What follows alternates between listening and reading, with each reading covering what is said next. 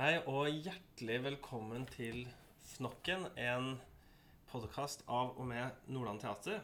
I dag har vi med oss en utrolig spennende gjest som det kommer jo til å ta litt tid å introdusere. For det er nemlig dramatiker, skuespiller, sanger, blogger, forfatter og politiker. Og nå til sist også kulturprismottaker Sven Henriksen. Hjertelig velkommen til oss. Tusen hjertelig takk. Først av alt så har vi lyst til å minne alle våre lyttere om at de kan eh, lytte til Fnokken på iTunes eller alle vanlige podkast-apper eller i Soundcloud, og at vi setter veldig pris på de som liker oss, deler oss, rater oss og skriver en kommentar om oss. Så håper vi at så mange som mulig har lyst til å gjøre det. Men først av alt, Sven, du har jo nettopp vunnet en kulturpris. Ja. Rana kommunes kulturpris. Hvordan kjennes det? Ja, det er jo nesten litt surrealistisk å, å vinne en kulturpris, for uh, man vinner jo ikke priser sånn uh, hele tiden. Men nå er jeg jo kommet opp i en sånn alder, så jeg tenker at når prisene begynner å komme, så Ja, kanskje man har sagt det man bør si. Jeg vet ikke. Ja, men Det er vel kanskje det du er kjent for, at du har mye å si. Altså når jeg, hvis, hvis jeg våkner opp en morgen, og så går jeg inn på Facebook, Ja. og så er den innstilt sånn at det er de, de eh, på en måte mest kommenterte innleggene som har eh, irritert nok mennesker og, og, og skapt nok begeistring, som kommer opp først, så kan det altså være fem innlegg fra Svein Henriksen som er publisert for noen i løpet av noen få timer. Når er det du står opp av? Eh, før deg, tror jeg. Det er sånn gjennomsnittlig. Og, og du har jo sinnssykt mye å si om et forholdsvis bredt spekter av eh, tema. Altså, hvorfor har du så mye å si? Nei, hvorfor jeg har så mye å si? Nei, jeg er eh, opptatt av veldig mange ting. Eh, jeg liker å, å engasjere meg, ikke i alt, men i, i mye. Eh, det syns jeg alle burde gjøre, og det gjør jo veldig mange også. Jeg mener jo mye, og det er det veldig mange andre som uh, gjør. Jeg har en, en, slags vennegjeng og en bekjentskapskrets som er eh, ganske meningssterke mennesker som mener uh, mye og krangler mye. Og uh, forandrer uh, samfunnet mye også, vil jeg påstå. Jeg kjenner en del veldig bra mennesker som går i front, og jeg liker å være der det skjer når det stormer som verst. For det, det er ikke de som sitter hjemme i sofaen som forandrer samfunnet. Ja, hvordan vil du forandre samfunnet? Jeg vil at vi skal se hverandre først og fremst som mennesker. Og så er vi, altså vi er først og fremst mennesker, og så er vi alltid andre. Eh, Jeg kan godt like en, eh, et menneske som jeg er totalt uenig med politisk. Jeg satt på torvet her i Mo i Rana og drakk kaffe med en veldig god venn som er eh, i Frp. Jeg er i SV. Og så kommer det et fremmed menneske forbi, oss, eller en bekjent, og så sier han herregud, for et merkelig par. Og så ler vi. Ja, men vi er jo glad i hverandre privat. Men så er det et par ting vi kanskje ikke behøver å snakke om. I hvert fall ikke på sosiale medier. For det blir eh, ganske stygt hvis vi hisser oss opp. Og det har, jeg slutta med. Jeg tenker at uh, man skal ikke holde seg bare med et ekkokammer av uh, mennesker som er enige med deg nødvendigvis. Da blir det en slags sånn det er veldig lite friksjon i, i, den offentlige samtalen. Det må passe seg for. Det må alle passe seg for. Mm. Men du har jo også sletta venner som du til slutt har fått nok av. Uh, ja. Når Hvor går den grensen og den balansen? For, for jeg tenker alle vil jo sikkert ha behov for at nok er nok på et tidspunkt. Men samtidig så er det jo det er nettopp det du sier med ikke å skape et ekkokammer. Ja, et ekkokammer eh, må man passe for, men jeg har en grense ved når folk går innenfor min private sfære og sårer meg eh, når de bruker ting jeg har fortalt dem i en intim situasjon, og bruker det i offentlighet, da trykker jeg på eh, unfriend. For det er, eh, da, det er ikke argumenter. Da er du bare Når du går tom for argumenter og bruker råtne triks for å såre det Jeg blir faktisk veldig lei meg av det. Og noen mennesker har gjort Ikke mange. Det er kanskje ti stykker der jeg sluttet i løpet av ti år pga. det. Men jeg kan bli rasende, jeg kan bli eh, alt mulig og begeistra og bli overrasket. Og jeg kan forandre mening når noen serverer meg fakta som gjør at Oi, jeg har tatt feil. Og, og da må du gå deg selv og legge deg flat og si at der var jeg veldig dum. Men når folk treffer deg der det gjør som vondest, og det gjør bare de som kjenner meg litt bedre enn overflaten, da blir jeg lei meg, og da kan jeg slette folk på sosiale medier, men ikke i livet. For livet er et annet sted. Ikke sant? Men jeg vil ikke Jeg orker ikke å at vi, Hvis da synker man ned på et sånn litt sånn veldig primitivt nivå, eh, som jeg syns på en måte er veldig sørgelig. Eh, ja. Men, men du er jo det jeg i hvert fall ville karakterisert som en veldig tydelig stemme. Som veldig tydelig er plassert godt på venstresida Mm, i Norge. ja. Ikke alltid. På, på mange ting. Ja. Altså som hovedbilde. Jeg kan være veldig sint på venstresiden av og til. Fordi at det er veldig mye irriterende med venstresiden for øyeblikket. Hva irriterer deg mest? Eh, at man ikke greier å lese de man er uenig med, på en riktig og saklig måte. At man, Noen som irriterte meg forferdelig forrige uke, var med at det blir postet et bilde av eh, en, et langbord med bare menn som da liksom sitter og forhandler om kvinners kropper, noe som var helt feil. De forhandlet om Det var budsjettforhandlinger. Eh, og når man da bruker det eh, for alt det er verdt, og prøver liksom på en måte å se her skal disse mannfolka sånn og sånn, da blir jeg litt sur. Og så sier jeg ifra. Og da er det veldig mange faktisk også i mitt eget parti som kan bli irritert på meg for hvorfor dolker du oss i ryggen. Nei, gjør ikke det. Det er dere som er jævla usaklige. Og ta dere sammen. Sånn kan vi ikke holde på. Rett og slett. Og jeg tenker det er noe som Michelle Obama sa When they go low, we go high. Og da er det noe med at man må prøve å Hvordan gikk det for demokratene i USA? Nei, altså det gikk jo ikke så veldig bra. Men uh, det er jo en annen historie enn det her. Jeg så Klassekampen var ute i går og uh, advarte mot at man ikke skulle demonisere Kristelig Folkeparti. Eh, men det er også en sånn slags agenda ute og går fra de som jeg kaller for liksom-venstre siden. Eh, at man skal på en måte ikke ta igjen, for da slår det tilbake. Man må ta igjen. Man kan jo ikke la folk gaule i vilden sky. Eh, Man må jo si fra 'hallo, hallo, nå, dette her er helt feil'. Faktisk helt feil. Men, men samtidig som du irriterer over dette, så mener jeg at jeg så at du skal på en demonstrasjon Å ja, til helga. selvfølgelig. Det er jo ikke Det handler jo Altså, det betyr jo ikke at Jeg er jo ikke i nærheten av å være for at man skal tukle med abortloven. Jeg mener, den står, den skal stå fast. Og jeg skjønner ikke Jeg skjønner ikke at hva Erna Solberg tenker på i det hele tatt. Men jeg reagerer på at mine egne av og til driver med litt urent spill. Ikke sant? For å få fram et poeng.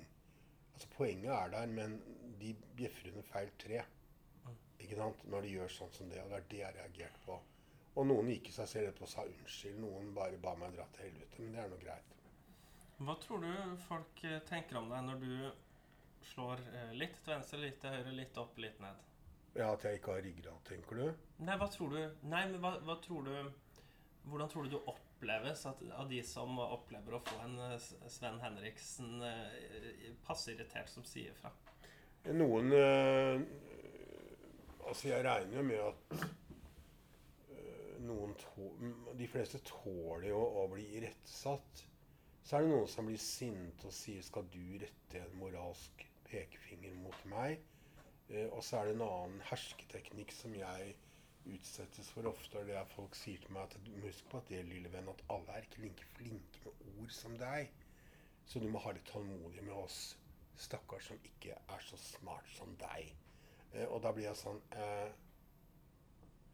Nei. Altså når du kommer med ting som faktisk er ikke faktabasert, som er bare følelser eh, og masse følelser, og, som, og da må jeg si fra at jeg tror faktisk at du tar feil, og nå leser du meg eh, feil. Og når jeg sier 'jeg skjønner ikke hva Erna Solberg tenker på i abortsaken', så betyr ikke det at jeg åpner opp for at du kan skrive på min, øh, min plattform at Erna Solberg er ei feit sugge.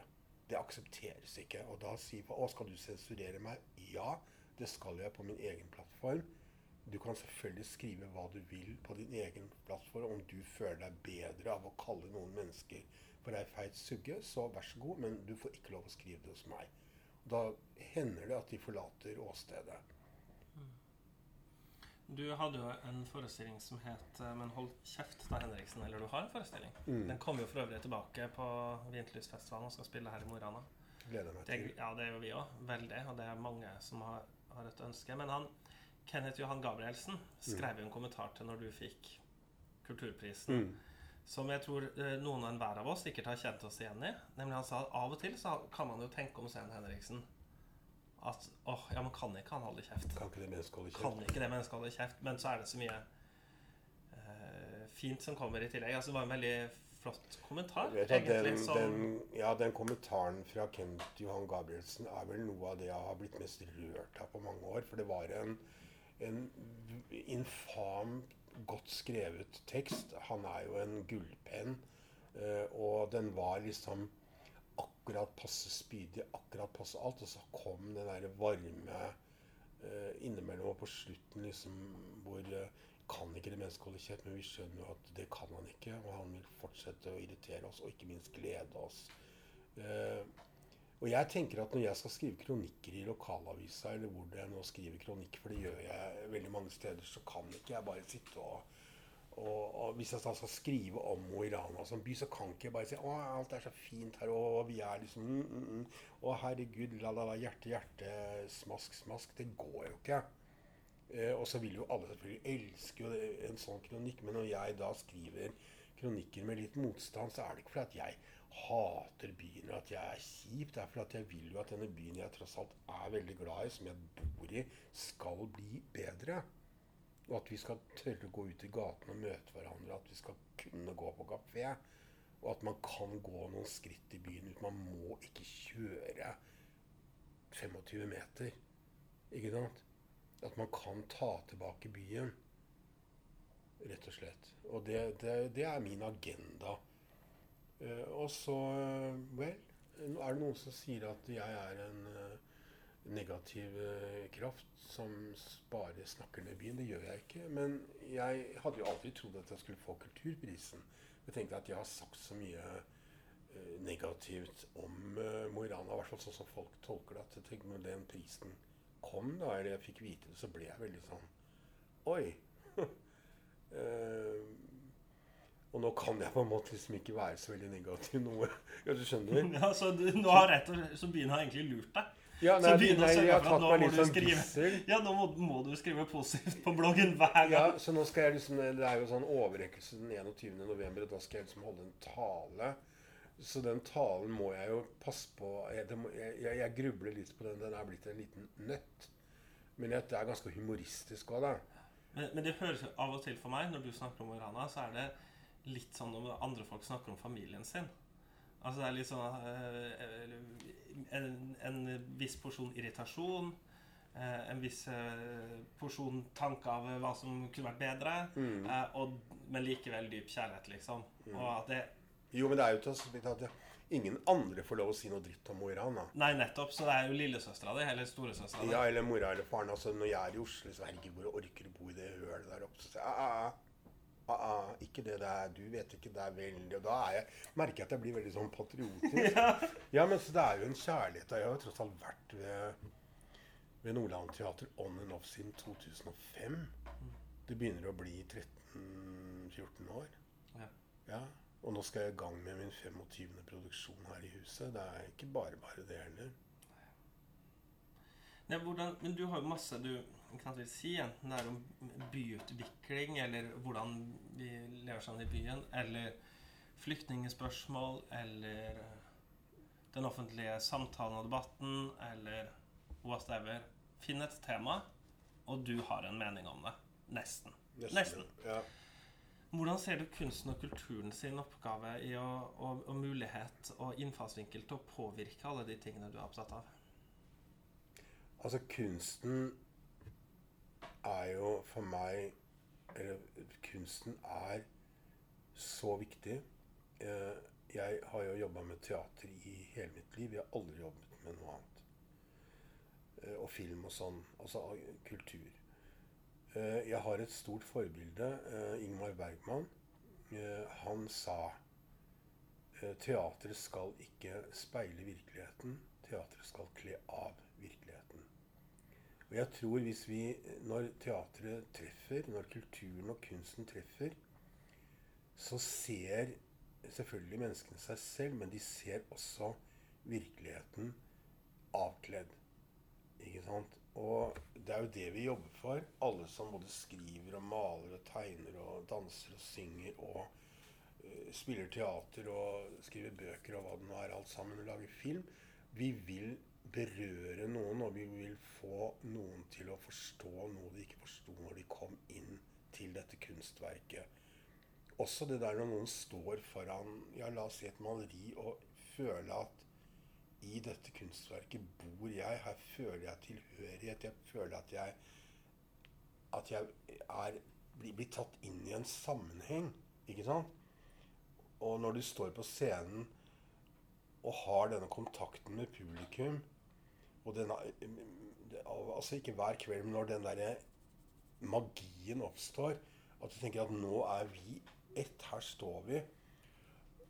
Men du kan liksom ikke bære det fram til bordet til en kulturminister eller en politiker og si eh, kan du, kan du, finne prisen på dette? Hva koster dette? Hvor mye er det verdt? Hva genererer det av vekst? Eh, hvor mye sykdom fjerner f.eks. kultur? Hvor mye trøst? Hva koster gåsehud? Hva koster alt det der? Eh, og magi og alt det. Så derfor er kunsten en sånn veldig sånn økonomisk lite målbar størrelse. Som også gjør at den er offer for spørsmålet hva koster kultur? Er det ikke dyrt? Det er jo veldig dyrt. Da trenger vi dette her. Ikke sant? Altså det at å spørre trenger vi kultur Det er nesten ingen andre land enn de skandinaviske landene man stiller et spørsmål. Hadde du sagt det i Frankrike, så hadde folk trodd du var gal. Ikke sant? For at kulturen er like viktig som oksygen. Ja, og hvordan tenker du at hvis at du Altså, du har jo mange uttrykk. Du skriver, både dramatikk Du har skrevet en bok eh, som vel egentlig er en samling fra bloggen. som har, Hvor mange lesere har du i uka? På bloggen, din? Det varierer jo hva jeg skriver om. Ja, Men sånn på en god uke? Ja, altså Jeg har jo vært oppi altså Jeg ligger vel på en bane altså Nå blogger jeg veldig lite, for jeg skriver en roman for tiden. Ja. Men uh, jeg har vært En god uke er det sånn 30 000-40 000. Ja. Uh, og en sånn ekstremt Jeg har vært oppi 170 000 okay, på et døgn. liksom. Ja, der, der, er jo også det som var fra den boka, også, som igjen helt uh, Men holdt kjeft av Henriksen. Mm. Uh, så er jo Og så synger du. Mm. Uh, og så jobber du med politikk. Mm. Altså mm, hvordan jobber du ulikt når du jobber med det ene kulturuttrykket, kontra at du jobber med, med, det andre? Og hvordan tenker du at det på ulike måter kan påvirke verden? Eller på lik måte?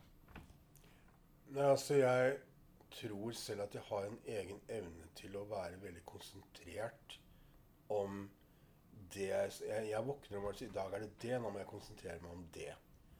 Jeg flyr aldri opp og ser neste uke eller neste år i et sånt fugleperspektiv, for da kommer jeg til å klikke. For jeg kan bare konsentrere meg om, og det er noe jeg har lært meg, å konsentrere meg om fra 11 til 12 skal jeg gjøre dette, eller nå skal jeg sitte og snakke med markedssjefen på Nordland Teater i en time eller noe sånt. Da må jeg konsentrere meg om det. Og så må vi ikke tenke på det som skal komme etterpå, for det tar vi når det kommer. Og det tror jeg Og derfor så må man på en måte skjønne eh, forutsetningene for hver enkelt sjanger. Når du spiller teater, så er du med i et konsept som andre styrer. Da må du passe på å finne ut av hva er det denne forestillingen vil fortelle, og så må du innordne deg i sammen med mennesker som du kanskje ikke liker, men du må løfte i flokk.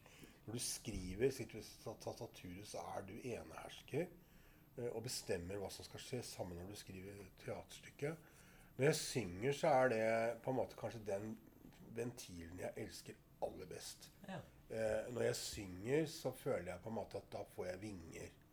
Eh, og jeg, elsker, jeg synger altfor lite, så jeg må synge mer nå framover. Jeg kjenner det. For det er liksom en sånn uh, Man puster mye lettere og sover mye uh, bedre etter at Du blir man, glad, rett og slett? Ja, jeg blir glad. For at det er jo sanger jeg egentlig er. Det er den eneste utdannelsen jeg har. Mm.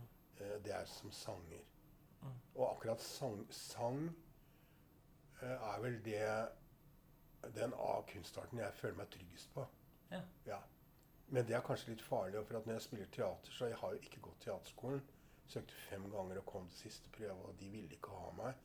Eh, For de visste liksom ikke hva rare mennesket Hva skal vi bruke det til? Fikk jeg vite, rett og slett. Så jeg alltid tenker at de som har gått teaterskolen, de vet noe jeg ikke vet.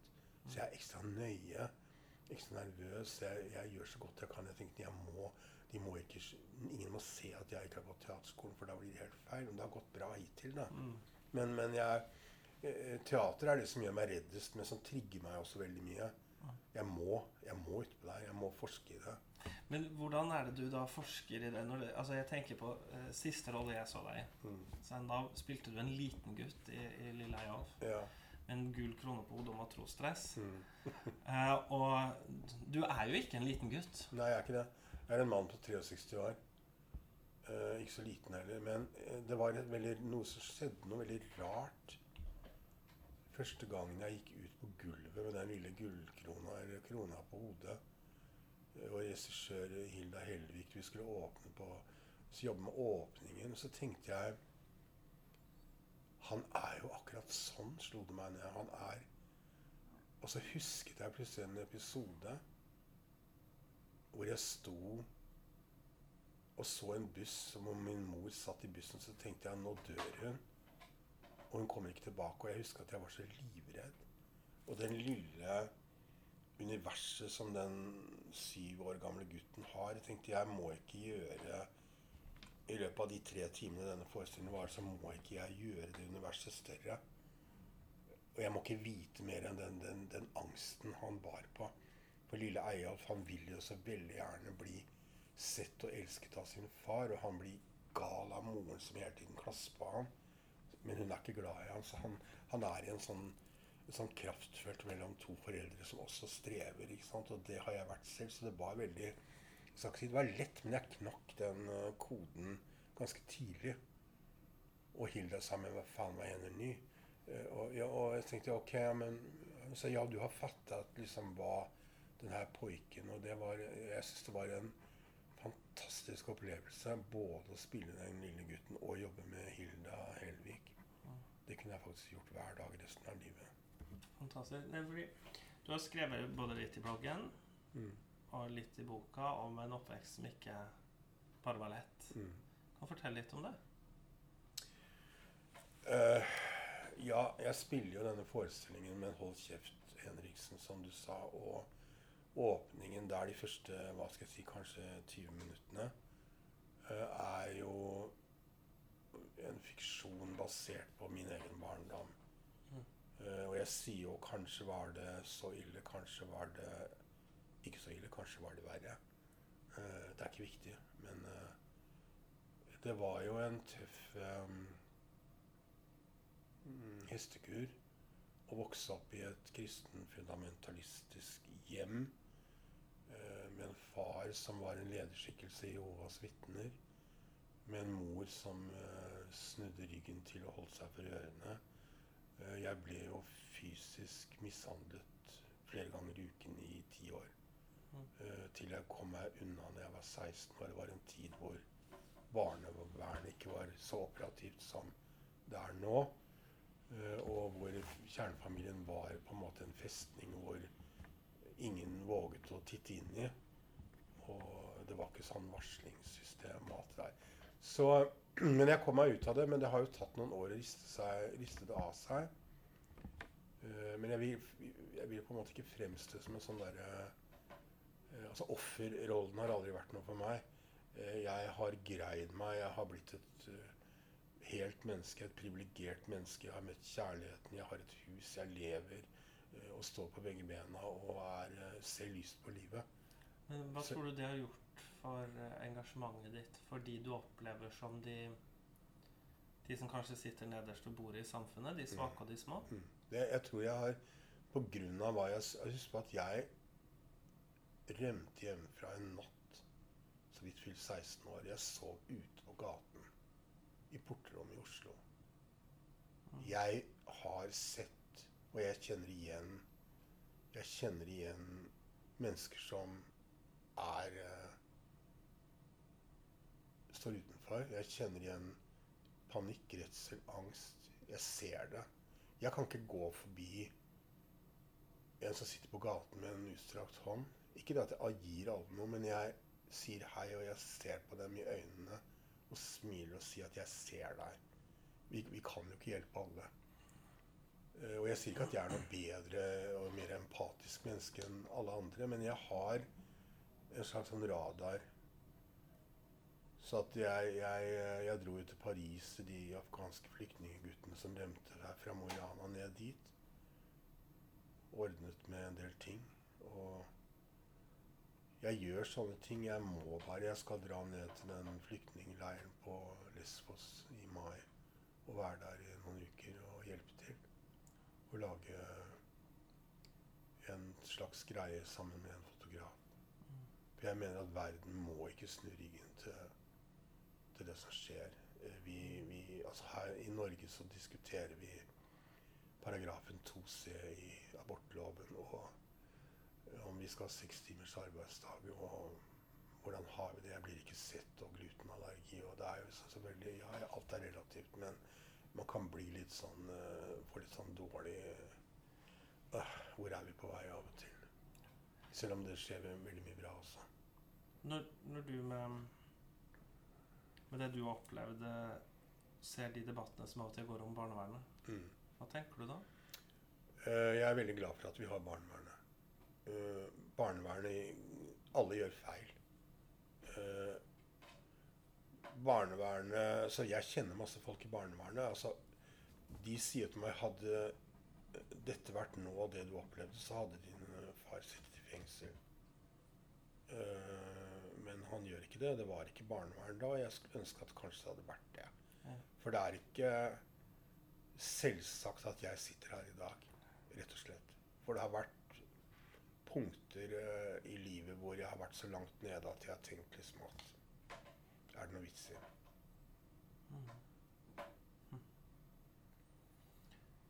Hva tenker du om om eh, religionens plass i samfunnet? Du har vokst opp i et veldig fundamentalistisk hjem. Er jeg jo vokst opp i et hjem hvor eh, tro har vært noe positivt, og Mm. noe som Mm. har blitt brukt til å fortelle at uh, Gud har skapt deg og er glad i deg, Mm. og du er bra sånn som Ja. du er. Mm. Eh, Det høres jo Vi har snakka om dette før. Ja. Det er jo to veldig ulike oppvekster. Mm.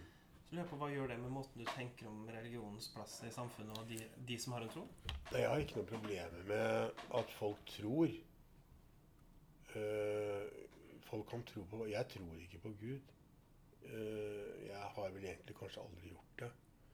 Eh, men jeg har, jeg har ikke respekt for det. jeg feil å Men jeg, det plager meg ikke. Men det som plager meg, er at folk bruker sin tro for å eh, på en måte diskvalifisere andre fra å få lov å ikke tro. Og så er det også noe med at ateister kan jo også være de mest fundamentalistiske menneskene. Når du møter skikkelige ateister som er helt sånn hardcore, eh, fulle fordomsfulle At jeg har ingen fordommer. Altså folk får, Men jeg er litt sånn at folk får bare tro på hva de vil, kle på seg hva de vil. Jeg er så sånne hijab-debatter sånn, jeg, vet, jeg kjenner jeg holder på å kaste opp. Jeg blir så lei. Altså, ja, men så lenge folk ikke plager andre kan ikke de, altså du har lyst til å gå med en lampeskjerm på hunden nedover gata, så vær så god. Så lenge folk er, er, oppfører seg. Og, og så er det selvfølgelig veldig alvorlig at noen bruker religion til sosial kontroll som jeg ble utsatt for. Jeg ble utsatt for sosial kontroll. Det må vi slå ned på. Men det som er feilen i Vesten nå, er jo at folk hele tiden adresserer islam eh, og sier at de driver med alt er så fælt, og de undertrykker. og Vi vet jo ikke at om alle som går med en hijab på hodet, er undertrykket. Det vet vi ingenting om. Men vi antar det, og vi tror det, og vi kan ikke anta tro. Vi må vite. Så er det sånn at Jehovas vitner, som jeg vokste opp i, er en sekt som driver eh, he, Altså, de driver sosial kontroll av sine medlemmer eh, den dag i dag. Og de mottar masse pengeoverføringer fra den norske stat. De er en satellitt i samfunnet på linje med Amish-folket. Og mange. Og jeg syns det er helt uhørt at sekter og religioner skal få statlige overføringer. Det er altså Folks tro må de pokker meg ta og finansiere selv. Jeg mener det, og de skal i hvert fall ikke blande det inn i politikken. For Når du sitter i abortdebatter Jeg har jo sett og hørt Når det eneste du har å slå i bordet med, er Gud og masse, masse følelser, så er du ikke saklig. Ikke sant? Og det med frihet Altså frihet Man sier at kvinner med eh, som går i religiøse plagg, de er utsatt for tvang. Så skal man komme hit, de kommer hit, så skal man rive av dem tekstilene. Så altså man skal utsette kvinner som man mener er utsatt for tvang, for tvang. Det blir helt feil i mine øyne og ører. Og så er det selvfølgelig masse som foregår i muslimske miljøer. Men altså det er også noe som også er ganske fraværende i debatten, er jo at det, det er jo mødrene som er mest opptatt av æresbegrepet. Og det er det også ved Jehovas vitner. Og i mange sekter. Det er mødrene som passer på døtrene. På Sørlandet hvor de pakker dem inn i foldeskjørt og små perleøredobber og bena samlet og hendene på dyna. ikke sant? Man vet det, men det blir liksom sånn Ja, men det er jo så koselig. Vi har det så fint i Norge. Nei, vi har ikke det på alle måter. Så jeg syns religion er øh, Jeg sier ikke at man skal kvitte seg med religion, for at alle trenger noe å holde fast i. Ikke sant? Men jeg tror at det man burde holde fast i, er noe man må finne inni seg selv. Eh, En slags plattform å stå på. Om det er Gud, altså helt greit.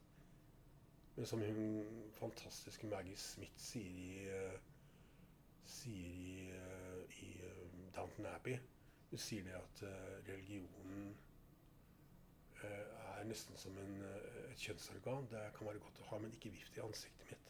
Da blir det ubehagelig. Ja, det var jo en poetisk eh, Ja, avslutning av, av det temaet. ja. Jo, men eh, Ja.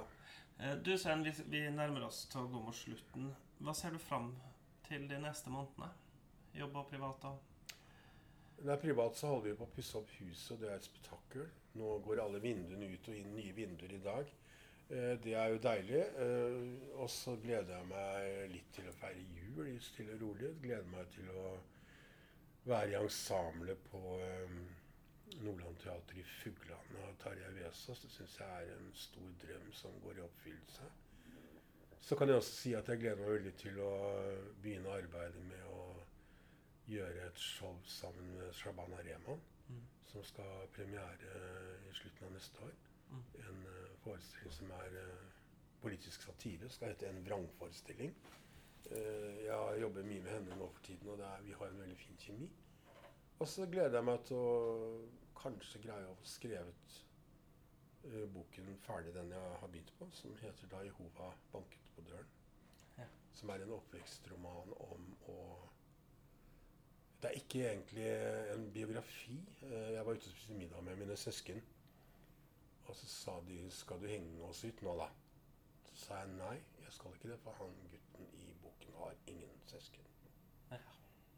Så, det, så jeg har tre prosjekter nå som går eh, parallelt, på en måte. Mm. Det må man ha. Men jeg tenker Hvis du kaster bare én ball opp i lufta og mister den, så har du ingenting. Kaster du ti stykker, så får du kanskje tak i to. Ja, fantastisk. Ja. Vi er i hvert fall helt sikre på at ikke det er siste gang vi har hørt fra deg, Sven. Tusen takk for at du kom til eh, Fnokken, som er en podkast av og med Nordland Teater, som i dag har hatt med seg Sven Henriksen, og om ikke lenge er tilbake med en ny og spennende gjest.